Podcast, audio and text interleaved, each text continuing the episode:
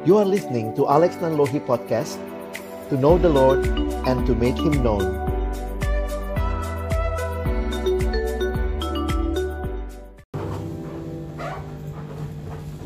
Mari kita tunduk kepala berdoa sebelum membaca merenungkan firman Tuhan. Kami datang dalam ucapan syukur di hadapan-Mu ya Tuhan. Terima kasih banyak untuk kesempatan ibadah yang Tuhan berikan bagi kami pada hari ini. Kalau kembali kami telah bersekutu bersama-sama secara langsung maupun juga teman-teman yang ada di ruang virtual, kami mau sekali lagi menyampaikan syukur kami semua karena rahmat dan anugerah Tuhan. Kalau sebentar kami akan membuka firman-Mu, kami mohon bukalah juga hati kami. Jadikanlah hati kami seperti tanah yang baik, supaya ketika benih firman Tuhan ditaburkan itu boleh sungguh-sungguh berakar, bertumbuh dan juga berbuah nyata di dalam hidup kami. Berkati hambamu yang menyampaikan, semua kami yang mendengar, Tuhan tolonglah agar kami bukan hanya jadi pendengar-pendengar firman yang setia, tapi mampukan dengan kuasa, dengan pertolongan dari rohmu yang kudus, kami dimampukan menjadi pelaku-pelaku firman-Mu di dalam kehidupan kami, di dalam keseharian kami. Bersabdalah ya Tuhan, kami anak-anak-Mu sedia mendengarnya. Di dalam satu nama yang kudus dan berkuasa, nama Tuhan kami Yesus Kristus, Sang Firman yang hidup, kami menyerahkan pemberitaan firman-Mu.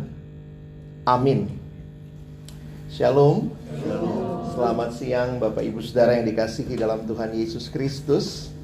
Saya pertama-tama bersyukur buat kesempatan ini boleh melayani Bapak Ibu Saudara di sini dan seperti ada pepatah mengatakan tak kenal maka tak sayang ya. Sudah kenal sih belum tentu disayang.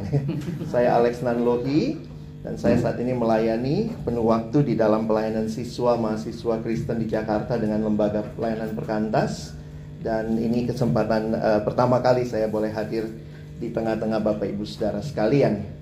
Hari ini kita akan membahas satu tema yang menarik. Kenapa? Karena ini bukan tema yang baru, tetapi juga menjadi pergumulan bagi kehidupan orang Kristen, orang percaya. Saya siapkan satu presentasi untuk kita sayangnya di sini, presentasinya di sana ya. Jadi Bapak Ibu pintar-pintar aja ngelihatnya ya, supaya jangan sampai nanti pulang ada yang lehernya harus diurut ya. Apa yang muncul di benak saudara? Bisa tolong uh, sebentar. Saya pakai pointer. Ah itu. Apa yang muncul di pikiran saudara waktu dengar istilah persekutuan atau sekarang lebih sering dipakai istilah komunitas? Saya nggak tahu ada mungkin yang pernah kecewa dengan komunitas atau mungkin ada yang sangat berharap banyak dengan komunitas. Bapak Ibu Saudara yang akan menjawab hal itu. Tetapi mari kita lihat apa yang Alkitab sampaikan ketika berbicara tentang komunitas, tentang persekutuan, tentang manusia sebagai makhluk sosial. Kalau kita perhatikan setiap bayi yang lahir pasti punya keluarga ya. Maka demikian juga setiap orang percaya yang sudah datang kepada Tuhan Yesus, kita punya keluarga rohani yang diberikan. Sebenarnya konsep manusia makhluk sosial dari mana saudara ya? Sebenarnya inilah yang Alkitab sendiri sampaikan. Di dalam kejadian 2 ayat 18 Tuhan Allah berfirman, tidak baik kalau manusia itu seorang diri saja. Perhatikan setelah di dalam kejadian satu Tuhan katakan ini baik, baik, baik, sungguh amat baik. Pertama kali di Alkitab kita muncul kata tidak baik di kejadian 2.18. Ini ayat bukan untuk pacar-pacaran saja saudara ya. Tapi ini ayat yang menyatakan kemanusiaan seperti apa yang Tuhan rindukan. Tidak baik kalau manusia itu seorang diri saja. Aku akan menjadikan penolong baginya yang sepadan dengan dia. Maka kalau kita memperhatikan ayat ini, kita bisa menarik kesimpulan bahwa Allah sendiri menghendaki manusia untuk saling mengasihi. Manusia makhluk sosial, tidak ada bayi yang lahir langsung bisa beli susu sendiri, saudara ya. Nah, di sinilah kita jadi belajar melihat betapa pentingnya kehadiran sesama di dalam kehidupan orang percaya. Saya mengutip kalimat pendeta John Stott, almarhum yang mengatakan kalimat ini. Sebagaimana ikan dibuat untuk air, umat manusia dibuat untuk kasih. untuk mengasihi Allah dan mengasihi sesama kita. Jadi saudara itu bagian dari kehidupan kita. Tidak bisa kita katakan wah saya hanya mau sendirian. Persekutuan, komunitas, persekutuan orang percaya adalah rencana Allah bagi kita. Bukan sekadar karena ada pengurus, Bin Rokris selalu bikin ibadah, undang kita datang. Tapi ini adalah rencana Allah bagi kita orang percaya. Tentu tempat bersekutu yang paling wajar bagi kita adalah gereja lokal masing-masing. Tetapi di tempat seperti ini, di dunia pekerjaan ketika ada anak-anak Tuhan, saya pikir ini kesempatan yang indah. Kita juga menikmati persekutuan orang percaya. Saudara yang dikasihi Tuhan, saya mengutip kalimat Eugene Peterson, seorang teolog dari Kanada. Dia berkata, kita adalah sebuah komunitas kita tidak pernah hidup sendiri dan bagi diri sendiri. Kita dilahirkan di dalam komunitas, kita tinggal di dalam komunitas, kita meninggal di dalam komunitas. Natur manusia bukanlah hidup menyendiri. Dari titik tolak inilah saya ingin mengajak kita melihat kalau begitu, kalau kita ini memang bukan untuk hidup sendiri, bagaimana kita sama-sama memelihara, menjaga ataupun kita ya akan mengapain sih bersekutu begitu ya. Nah, Bapak Ibu bisa lihat uh, macet lagi.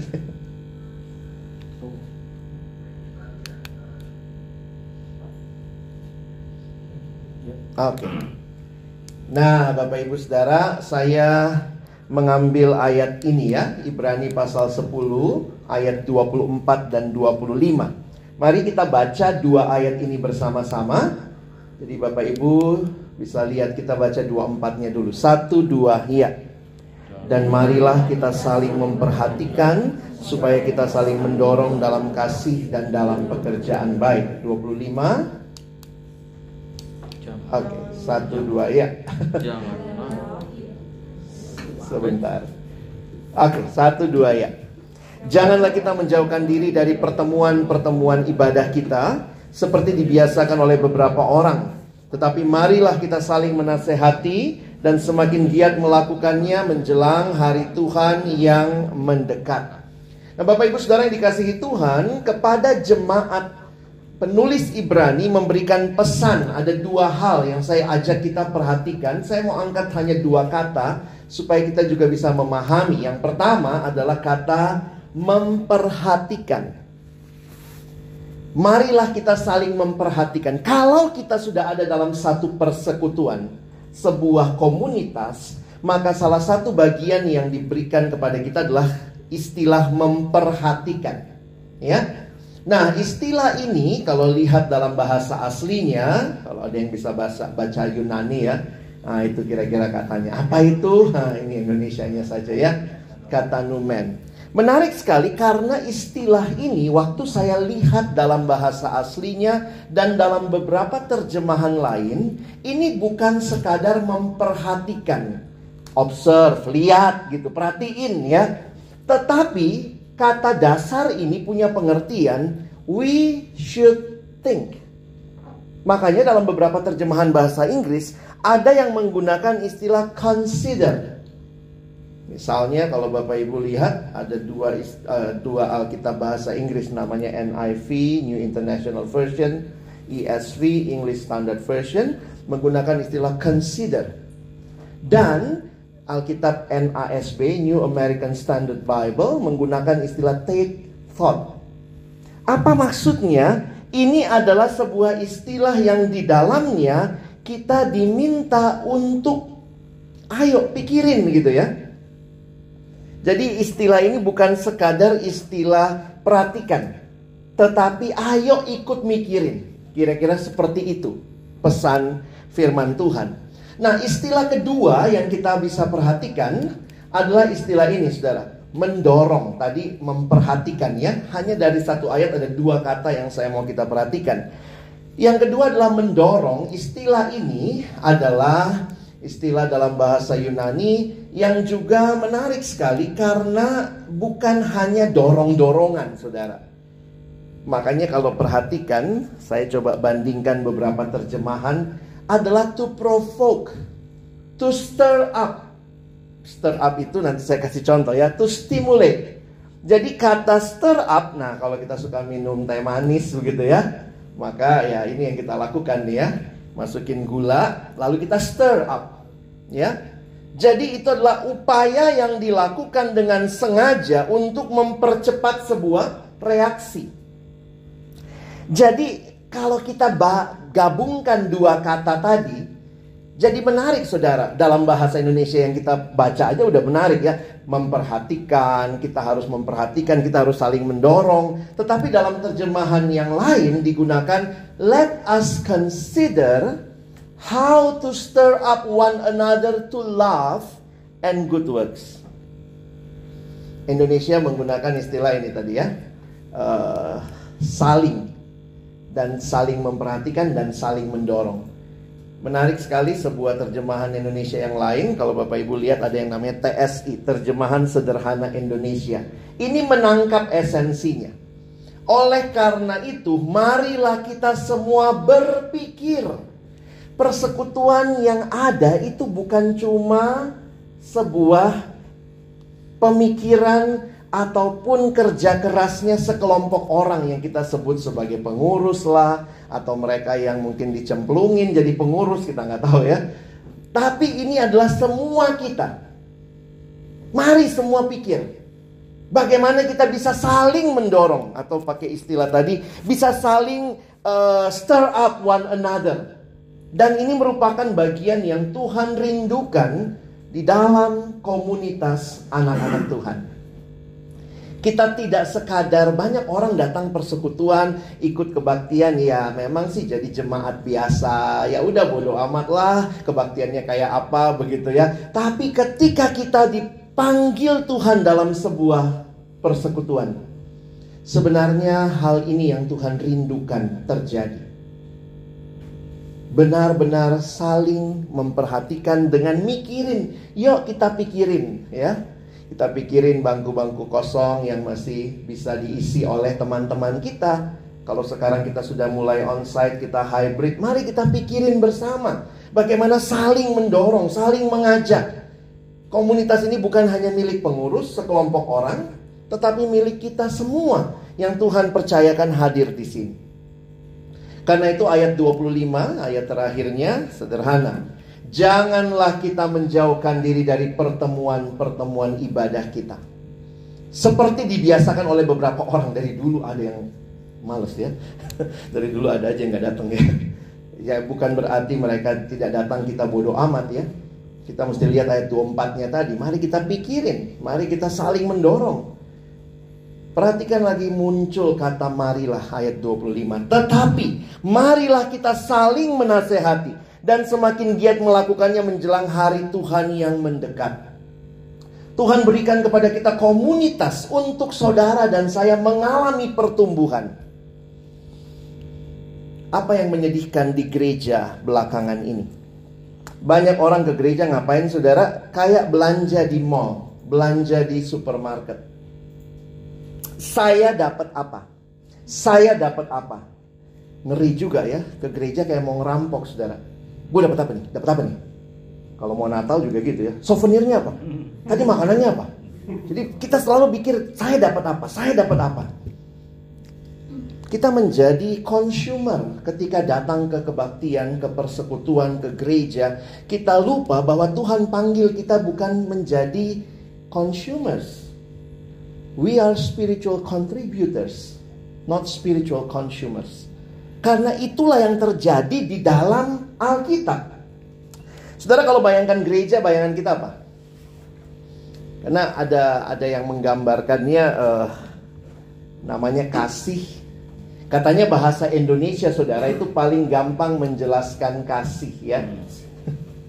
Katanya bahasa Indonesia itu paling gampang menjelaskan kasih. Kalau Bapak Ibu perhatikan saya, apa itu kasih? Kasih, ya kasih.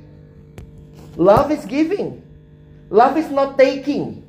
If love is taking, taking, taking, that is not love, saudara. That is rampoking. Ya, kalau kita bicara love is giving, maka harusnya itulah yang terjadi di dalam persekutuan kita berlomba-lomba saling memberi, bukan saling merampok seharusnya. Love is giving, not just taking. Karena itu kalau kita perhatikan di Alkitab, banyak sekali istilah yang muncul adalah istilah saling. Bapak Ibu kalau perhatikan, gereja itu gambarannya apa? Ini gambaran gereja. Saling one another. Menerima satu dengan yang lain, care for one another, lihat ayat-ayatnya. Ini gereja. Jadi kalau orang sibuk sama dirinya, tidak peduli orang lain, itu bukan gereja. Itu cuman kayak kumpul-kumpul, ya udah itu urusanmu, yang penting kita kumpul di sebuah tempat.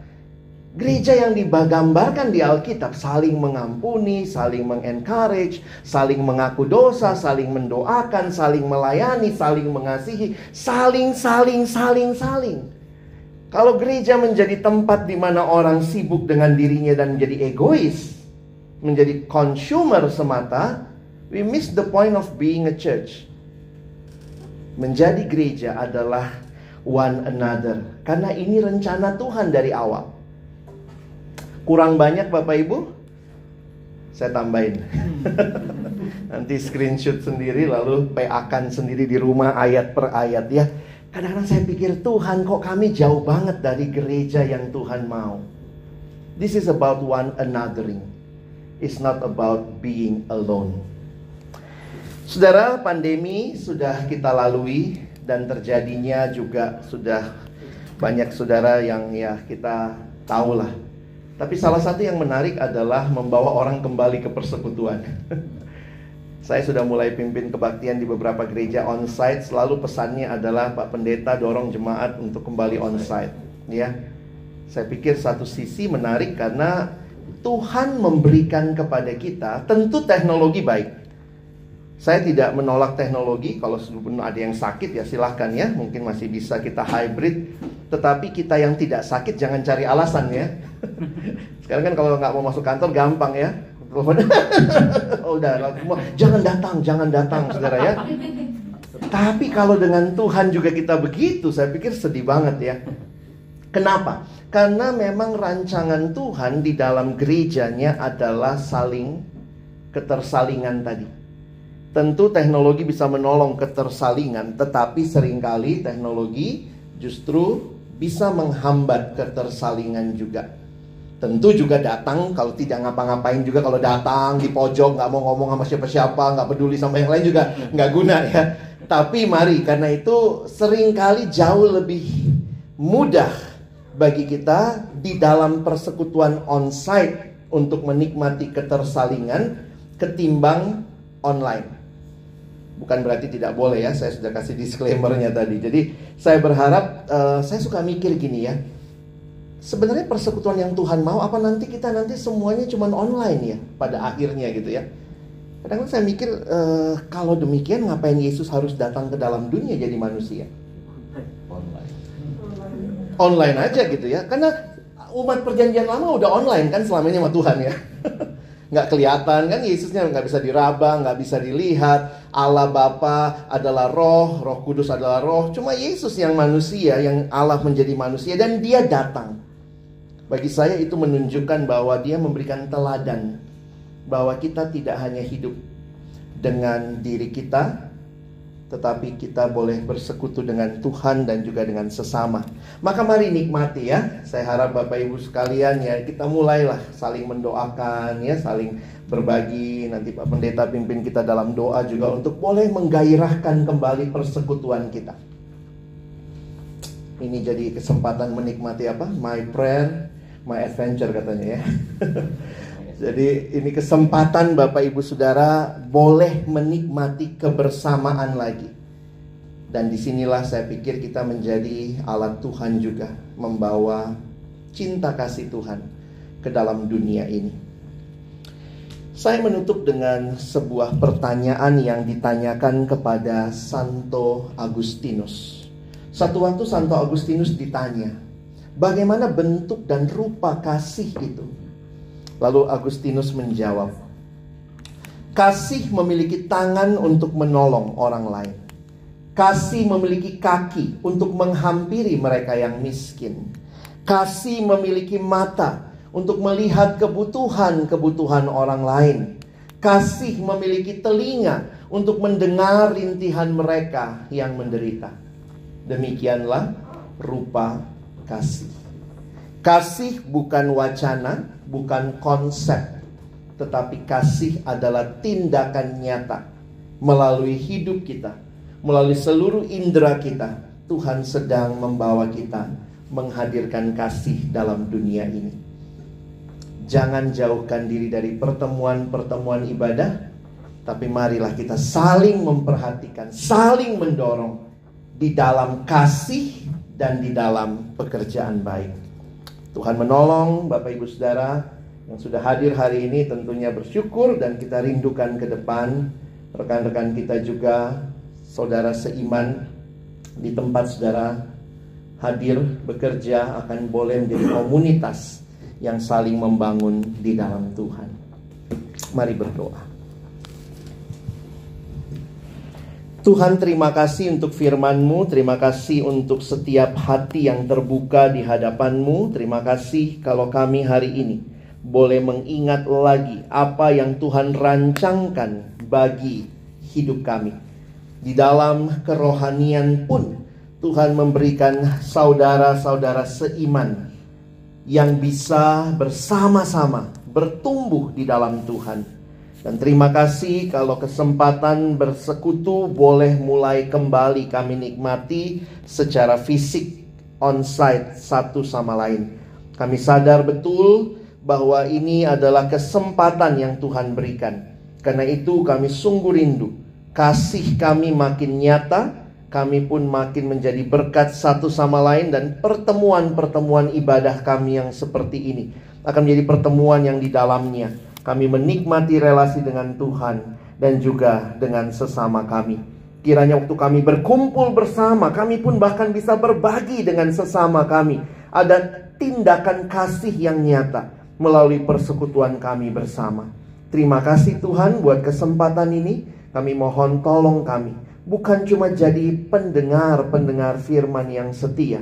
Tapi mampukan boleh kami jadi pelaku-pelaku firman-Mu di dalam hidup dan keseharian kami. Kami bersyukur menaikkan doa ini. Dalam nama Tuhan Yesus kami berdoa dan bersyukur. Amin.